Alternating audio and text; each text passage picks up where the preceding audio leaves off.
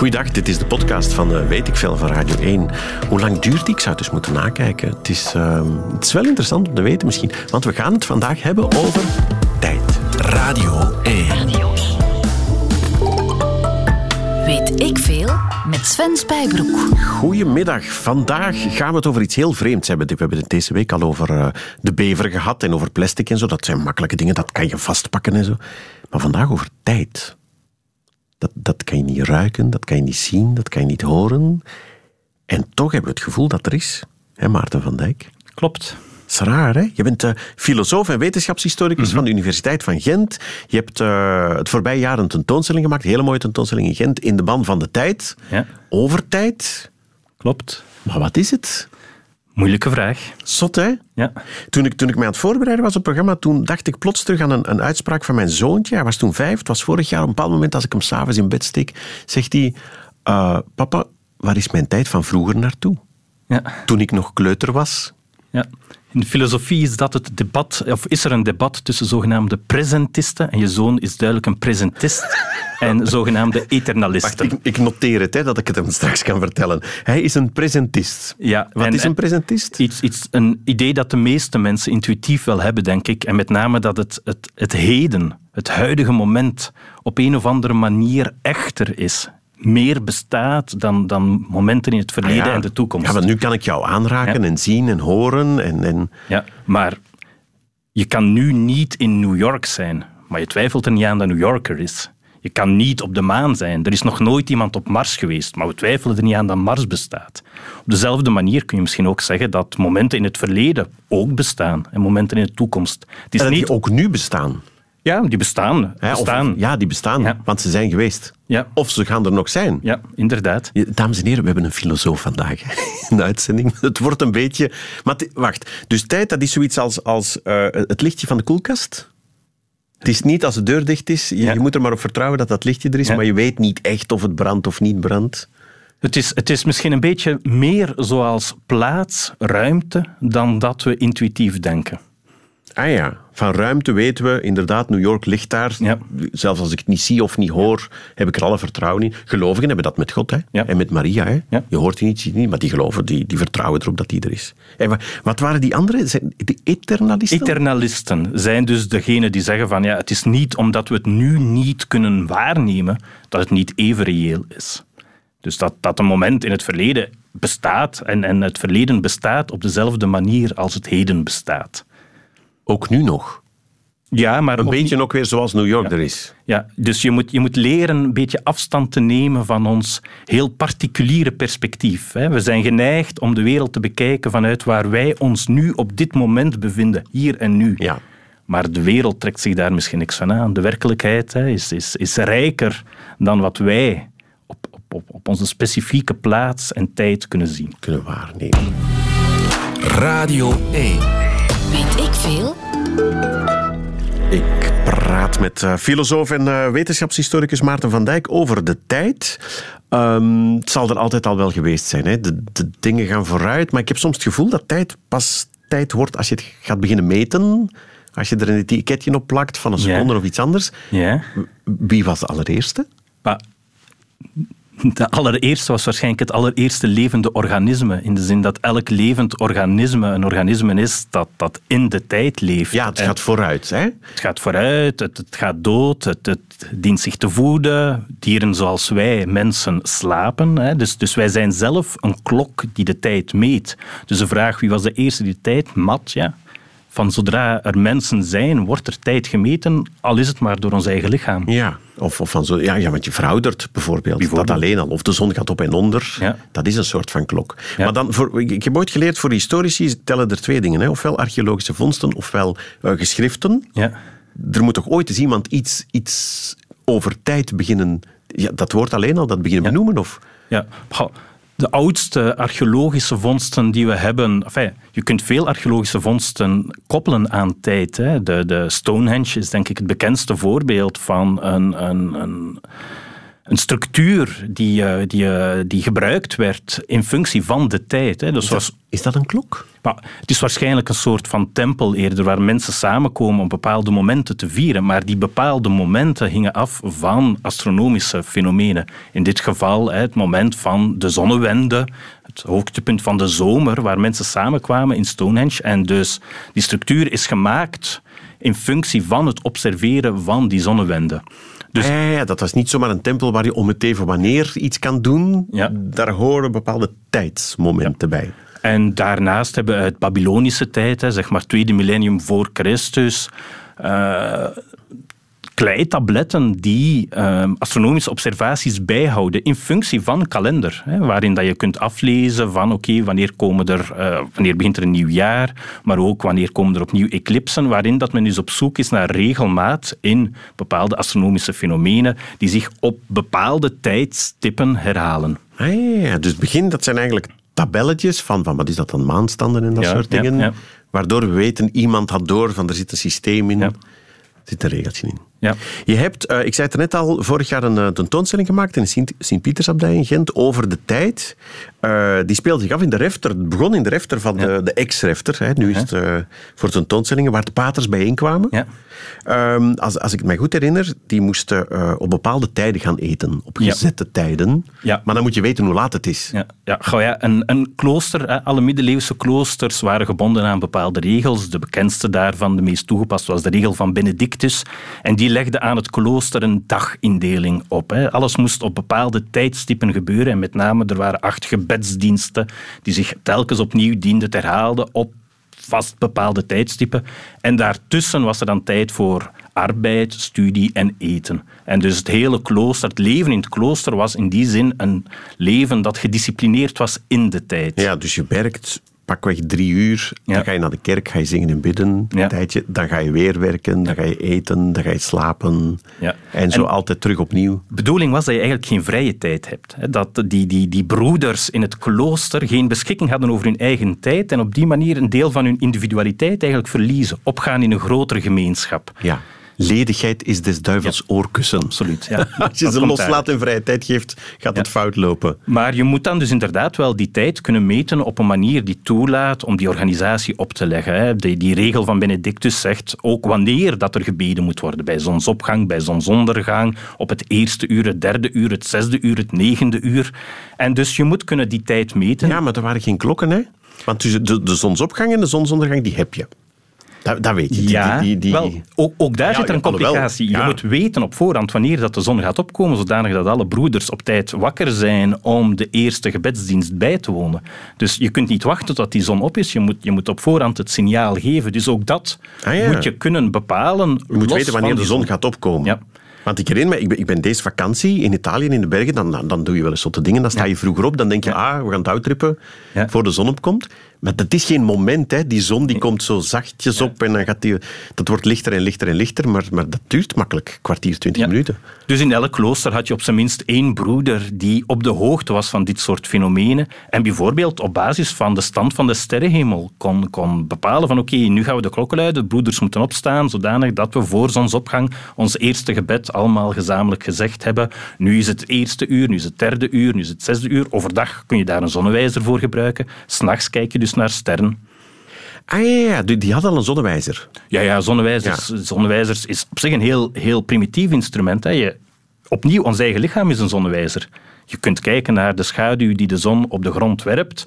En daaruit, of dat die langer of korter is, kun je iets aflezen over het moment van de dag. Ah, als die korter is, zit die dichter bij de middag, want dan Ja. gaat de zon hoger staan. Ja, dus, dus overdag heeft zo'n broeder... Ik weet trouwens, ik herinner me niet zo goed, die heet broeder Jacob, was dat, hè? Ja, ja. Van het liedje, hè? Ja, ja dat, dat, is, dat is Van, inderdaad... van, eh, ja. Want het is nog een verschil in het Nederlands. In het Frans in het Nederlands is het broeder Jacob, slaapt jij nog? Ja.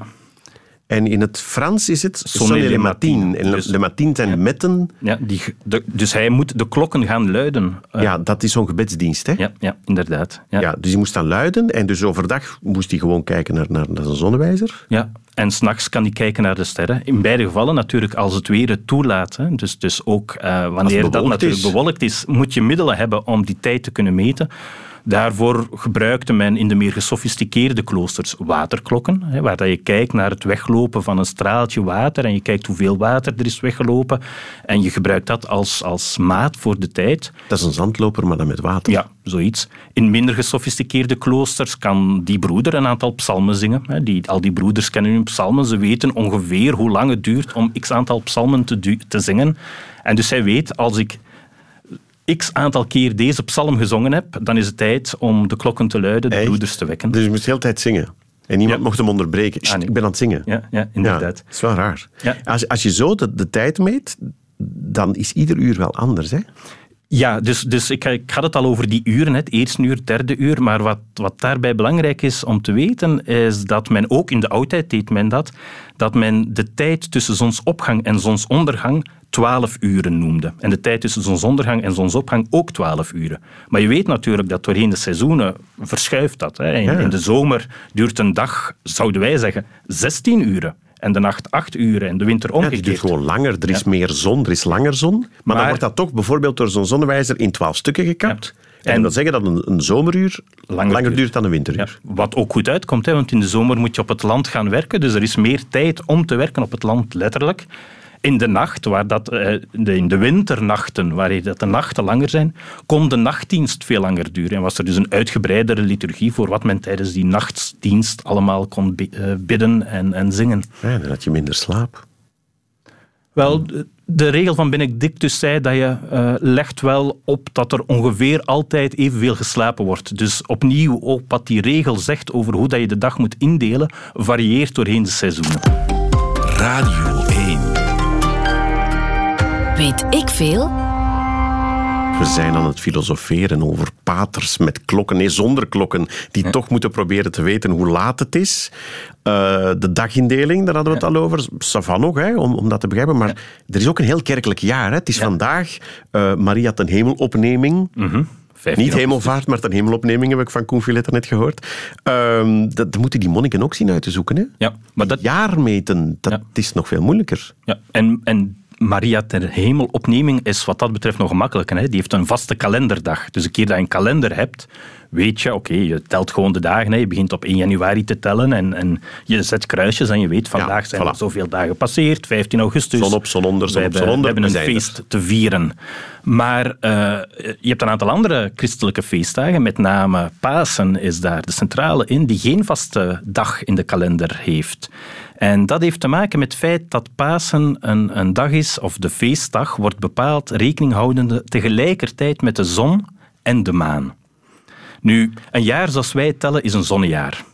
We gaan ervan uit dat in de loop van een jaar alle seizoenen een keer gepasseerd zijn en die seizoenen worden bepaald door de baan van de zon of aan de aarde rond de zon of in, in antieke termen de baan van de zon rond, rond de hemelsfeer.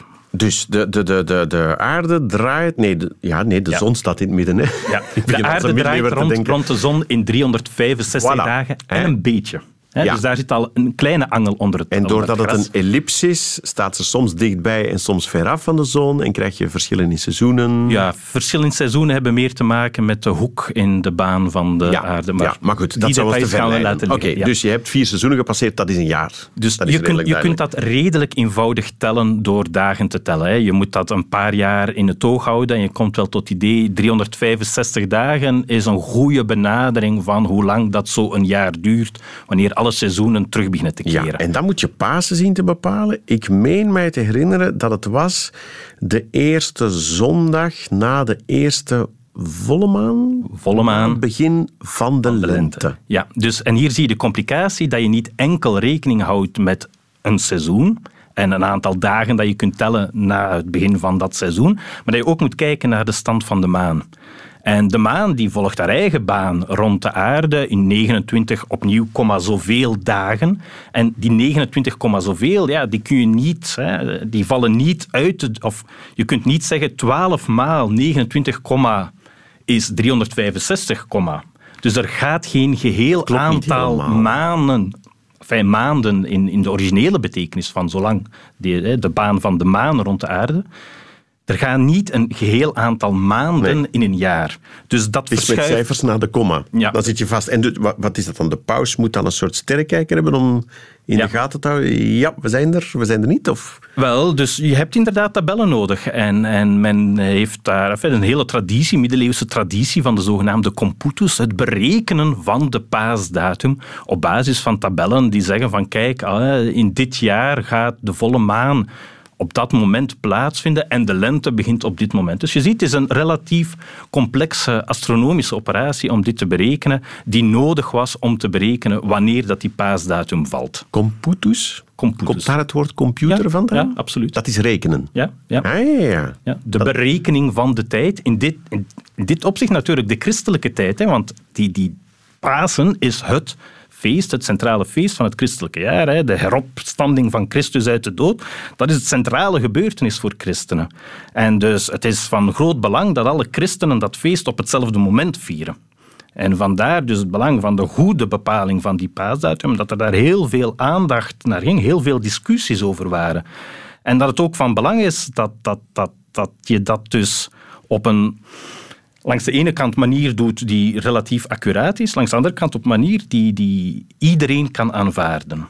En Dus het was een heel belangrijke Is een soort van pauselijke commissie dan of zo? Die... Er zijn Met allerlei astronomen? Die... Het- er zijn een aantal concilies geweest waarin dat men dit probleem heeft bediscussieerd. Nu, belangrijke eh, historische eh, voetnoot die je daar dan bij moet plaatsen. Ik had het over die 365, komma zoveel dagen. Wij lossen dat op door om de vier jaar een schrikkeljaar in te Ja. voeren. Wij, en we doen dat al sinds de Romeinse tijd. Hè. Dat is de zogenaamde Juliaanse kalender, ingevoerd door Julius Caesar om de vier jaar een schrikkeldag invoeren zorgt ervoor. Hè, we tellen eigenlijk net iets te weinig. Hè. Als we zeggen een jaar duurt 365 dagen, we tellen iets te weinig, want de zon is na 365 dagen nog niet terug op haarzelfde plaats in de ruimte. Nee, ze is pas na 365,24 op dezelfde plaats. Dus we tellen iets te weinig. Door om de vier jaar een dag bij te nemen, zorgen we dat onze kalender gelijk blijft lopen met de zon en de seizoenen probleem is dat om de vier jaar relatief goed is, maar niet heel erg goed. En dus dat er gaandeweg te veel schrikkeldagen zijn ingevoerd. Ah. En dat tegen de 15e, 16e eeuw van onze tijdsrekening men al in de situatie zat dat er tien schrikkeldagen te veel ingevoerd waren. Waardoor dat de lente, de astronomische lente, niet langer op 21 maart begon, maar op 11 maart. Met als gevolg dat als men dit ging blijven doordoen, Ah ja, dat Pasen dan ging verkeerd verschuiven. Pasen ergens in de zomer ging vallen. Ja, en wat hebben ze dan gedaan? Gewoon Dus dan is er inderdaad een pau- pauselijke commissie samengeroepen met een aantal astronomen, een aantal geestelijken, om een aantal voorstellen te bespreken. Die hebben aanleiding gegeven tot de zogenaamde Gregoriaanse kalender, de kalender die we nog altijd gebruiken, waarbij men langs de ene kant besloten heeft om niet langer om elke vier jaar een schrikkeldag in te voeren, maar af en toe het niet te doen. In het jaar eh, 1700, 1800, 1900 waren geen schrikkeljaren. Ah. Dus met een paar te laten vallen, Het had er een moeten zijn. volgens de oude regel. Ja, maar dat doet men dan niet. Oké. Ja, om te zorgen dat de kalender gelijk blijft lopen met de zon. Ja. En men heeft tien dagen geschrapt. Dus in 1582 volgde op 4 oktober 15 oktober. Op zijn minst in katholieke landen. Hè. En 5 oktober en 6 oktober, en die- zijn nooit gebeurd. Nee. Men heeft, men heeft wel een periode gezocht waarin zo weinig mogelijke christelijke feestdagen vielen. Ah, Als ze wegvielen, dat er ook Ja. geen, geen Ja. feestdagen. Ja. Ja. Ja, iedereen content. Ja. Weet ik veel? Over die, die onvatbare, ongrijpbare tijd. Mensen hebben het dan toch geprobeerd om dat te meten. Ja. Daarnet, middeleeuwers met zonnewijzers en signala. Eh, de uren van een Mhm. dag worden dan langer of korter naar gelang of de dagen langer of korter worden. Op een bepaald moment is er toch een slimmerik geweest die erin geslaagd is om, om pakweg, wat is het, een seconde af te Ja. maken? Als, als iets dat altijd een seconde blijft of een uur. Hoe is dat gegaan? Ja, wel, er zijn een aantal stappen die hier van belang zijn geweest. De eerste belangrijke stap is de uitvinding van het mechanische uurwerk. Ergens in het einde van de 13e eeuw, waarschijnlijk ook in kloosters uitgevonden. En mechanisch uurwerk is, is, is simpelweg een, een, een zwaar gewicht dat naar beneden valt en een wiel in beweging brengt. Maar dat wiel zou natuurlijk versnellen door dat vallende gewicht. Vrt, en dat is En- gedaan. Ja, dus je zet daar iets op dat dat vertraagt. En je hoopt dat die vertraging min of meer uniform is. Hè? Want tijd meten doe je aan de hand van een zichzelf herhalende beweging. Eh, Eender wat dat zichzelf herhaalt, kun je gebruiken om de tijd mee te meten. Doe je dat dan met een, een, een, een tandwiel met 60 tandjes? Dat zo tik, tik, Ja, tik, dus dat- er staan dus, dus op, op, op dat eh, draaiende wiel staan er weer andere wielen met tandwielen en er is daar een heen en weer zwaaiend gewicht, zou je kunnen zeggen, die die beweging vertraagt. Dat is het middeleeuwse mechanische uurwerk. Men wist niet heel goed waarom dat, dat werkte. Men zag gewoon dat dat werkte. Hè. Dus er was daar geen theorie over. Dat was niet het gevolg van nadenken over tijd. Nee, dat was gewoon een handigheidje dat men had gezien dat als je een aantal componenten bij elkaar zette, dat die uitkomst redelijk uniform was. Maar uniform, dus op een manier die zich al niks aantrekt van de seizoenen. Dus zo'n zo'n mechanisch uurwerk, ja, dat is, dat is knutselwerk van de mens. Dat is helemaal niet gebonden aan seizoenen. Dus dat is de eerste stap naar het meten van een min of meer uniforme tijd.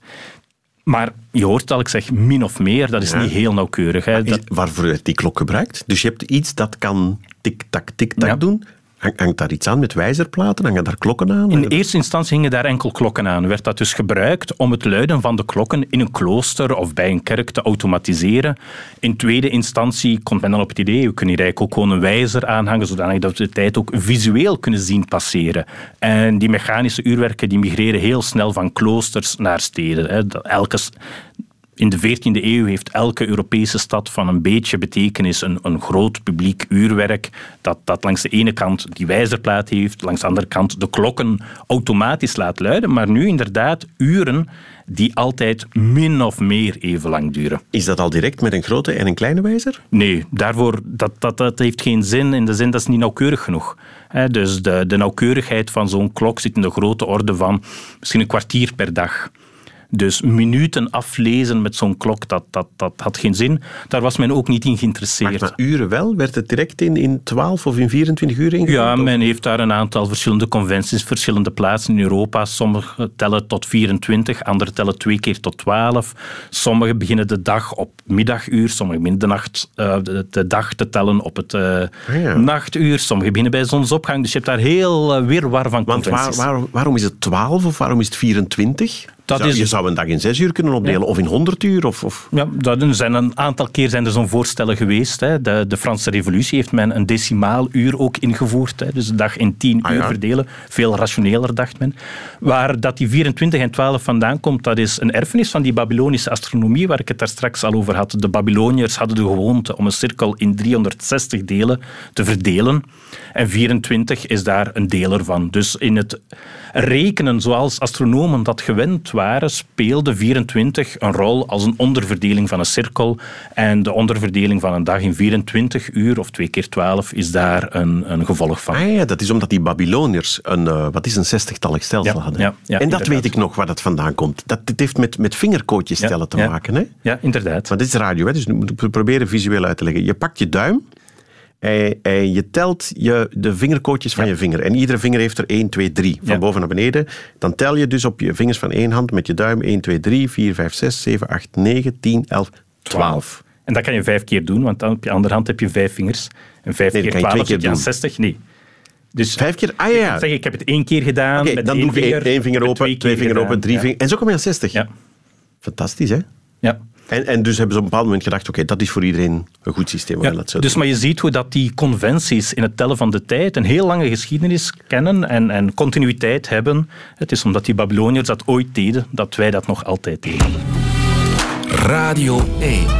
Weet ik veel? We praten over tijd met Maarten van Dijk. We zijn ondertussen in, in wat is het, ja, de 16e, 17e eeuw aanbeland. Ja. Dan hebben we eindelijk eh, torenklokken waar je kan zien hoe laat het is. Ja. Dat lijkt me zo ongeveer de uitvinding van de stress. Goh, Vanaf dan kan je, moet je op tijd komen op een afspraak, want iedereen kan zien hoe laat het is. Ja, dus er is inderdaad een grotere coördinatie hè, van, van alles wat mensen doen in die steden waar dat die uurwerken hangen. Je kunt nu inderdaad zeggen van hè, op het twaalfde uur komen we daar samen en op het tweede uur begint die vergadering en zo verder.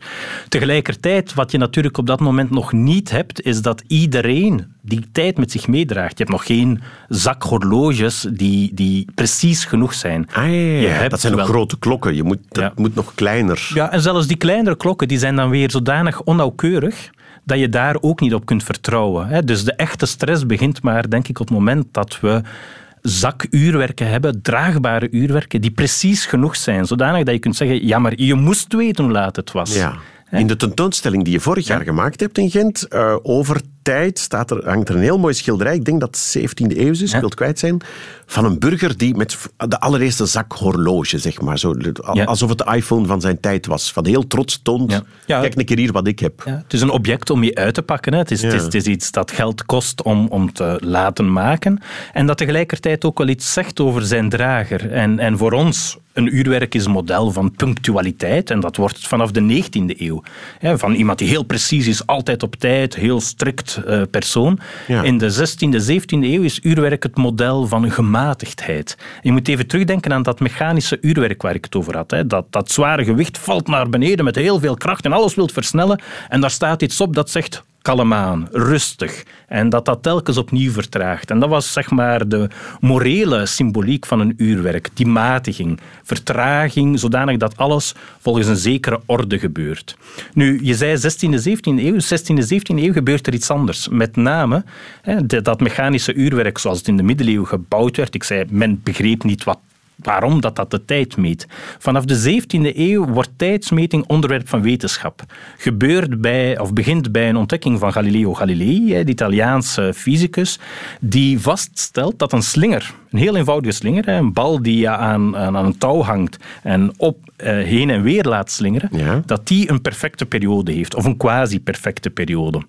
Dus dat die voor elke slingerbeweging evenveel tijd neemt. Of dat die nu van ver vertrekt. Als je die lang had, dan gaat die gewoon sneller naar het midden. Ja. Als hij van dichtbij vertrekt, dan gaat hij trager. Dus eigenlijk is het altijd hetzelfde. Maar het is altijd hetzelfde. Aha. En dus hier heb je voor de eerste keer de mogelijkheid om echt precieze uurwerken te gaan construeren. En dat is wat dan doorheen de 17e eeuw gebeurt. Christian Huygens, de Nederlander, is de eerste die echt een slingeruurwerk maakt. En plots kan je tijd gaan meten in de grote orde van seconden eerder dan, hè, daar straks sprak ik over kwartier misschien voor sommige van die mechanische uurwerken, die werden gaandeweg beter. Sommigen deden het vijf minuten op een dag, was een zeer goede prestatie. Met die slingerklok kun je plots tot in de seconde gaan, gaan meten. Ja. Zeg, nog iets, ik denk daar nu ineens aan. Um, Zo'n klok dat gaat uh, in wijzerzin. Ja. Waarom gaat dat in wijzerzin? Wie heeft dat beslist van we gaan, we gaan het zo laten ronddraaien? Als je naar een, uh, een zonnewijzer kijkt, zie je de schaduw van de zon doorheen de dag ah, ja. in wijzerzin gaan. Ja. Eh, wacht, en op het zuidelijk halfront? Dat gaat in tegenwijzer. in tegenwijzerzin. En gingen de klokken dan in tegenwijzerzin op het ah, nee, alle, alle, eerste klokken, mechanische klokken zoals wij die kennen, werden in het noordelijke halfrond gemaakt. En opnieuw, de conventie is daar ontstaan. Net zoals de conventie om 24 uur te tellen. Een keer dat zo'n conventie er is, dan blijft die daar. Ja. Radio 1. Weet ik veel? Als we het over tijd hebben, uh, moeten we het gek genoeg, onze tijd is bijna om, maar toch nog even over de trein hebben. Ja. Wat, wat is het verband tussen tijd en trein? Um, unificatie eigenlijk, standaardisering. De tijd zoals die in de periodes waar we het tot nu toe over hadden gemeten werd, hing toch nog altijd af van de zon. In de zin dat men het middaguur definieerde als het moment dat de zon op zijn hoogste punt staat. Mhm. Maar je weet natuurlijk dat in Brussel dat moment op een ander moment valt dan bijvoorbeeld in Oostende. Oostende is westelijk, uh, westelijker van Brussel, dus het middaguur zal daar iets later vallen. Wat is iets? Scheelt dat veel? Is Zes minuten. Ah, is toch wel? Ja, ja. Dus elke stad had zijn eigen tijd. En het is met de komst van de trein dat plots die verschillende plaatsen veel dichter bij elkaar komen te liggen. In de zin van je kunt makkelijk van Brussel naar Oostende reizen en terug. En dat men dus de nood begint te voelen om één tijd te definiëren. Trouwens ook handig om die treinen veilig te laten rijden natuurlijk. Dat je weet van de trein van dat uur komt eraan, nu geen trein langs daar laten passen. Bij een vliegtuig verdraag je dat nog. We zijn door zoveel tijdzones gegaan. Je moet je klok zoveel uur vooruit de achteruit zetten. Maar je wil niet bij een treinrit iedere keer je klok moeten ja. goed zetten. En het is dus in de 19e eeuw en dat gebeurt in heel Europa, dat gebeurt ook in de Verenigde Staten, dat onder druk eigenlijk van de opkomst van spoorwegnetwerk, dat men evolueert naar een geuniformiseerde tijd, een tijd per land, hè, waarin dat heel België dezelfde tijd gebruikt. Het middaguur in de eerste plaats van Brussel. Het treinnetwerk in België reed op het uur van Brussel. Later, op het einde van de 19e eeuw, is dat dan het Greenwich-uur geworden. Op het moment dat men niet enkel verschillende landen hun tijd wil geven, maar dat men ook over de hele wereld begint na te denken van ja, maar België zijn eigen uur, Frankrijk zijn Ah, ja, ja. eigen uur, Duitsland zijn eigen uur. En dan heb je het beroemde Greenwich Mean Time nodig. Ja. Weet je nog wanneer het is ingevoerd? Eh, 1892. Wanneer? Precies? Eh, in België op 1 mei. Ja, voilà. Sinds dan weten we eindelijk hoe laat het is. Weet ik veel? Dat ga ik al onthouden over tijd. Dus sinds 1 mei 1892 weten we wanneer de trein te laat rijdt. Eh, wat moet ik nog onthouden? Dat mijn zoontje een presentist is. En geen eternalist, als het over tijd gaat. En dat, dat vond ik ook wel heel mooi, Maarten. Dat eh, dus de, de data van 5 oktober 1582 tot 14 oktober 1582, die zijn gewoon verdwenen. Weg. Weg. Nooit Die- die- geweest. Nooit, ja. Of weer wel. Ben jij een presentist of een eternalist? Wat Eternalist. Dat betreft? ah, toch wel, ja. Ja. Dat is, ehm, ja... Goh, die tentoonstelling die je erover gemaakt hebt, die is er niet meer. Hè? Maar er is wel nog een e-book, hè? Ja. Een, e-book moet ik dan zeggen. Over tijd, waar nog zoveel duizenden... Oh, Nu moet ik echt wel zeggen, onze tijd is op. Ik vind het jammer, In de ban van de tijd. In Zo ban vind van- je het boek. in de band van de tijd. Als je, als je dat googelt, Ja. dan, dan moet je het normaal eh, gezien vinden. Hoe laat is het nu, Maarten van Dijk? Heb je enig idee? Twee voor één bij mij. Twee voor één bij jou. Ja, volgens mij ook. Dat wil zeggen dat het programma gedaan is. Radio 1. Weet ik veel? Dit was, weet ik veel, de podcast. Een aflevering tussen de vele. Je vindt ze allemaal terug op radio1.be.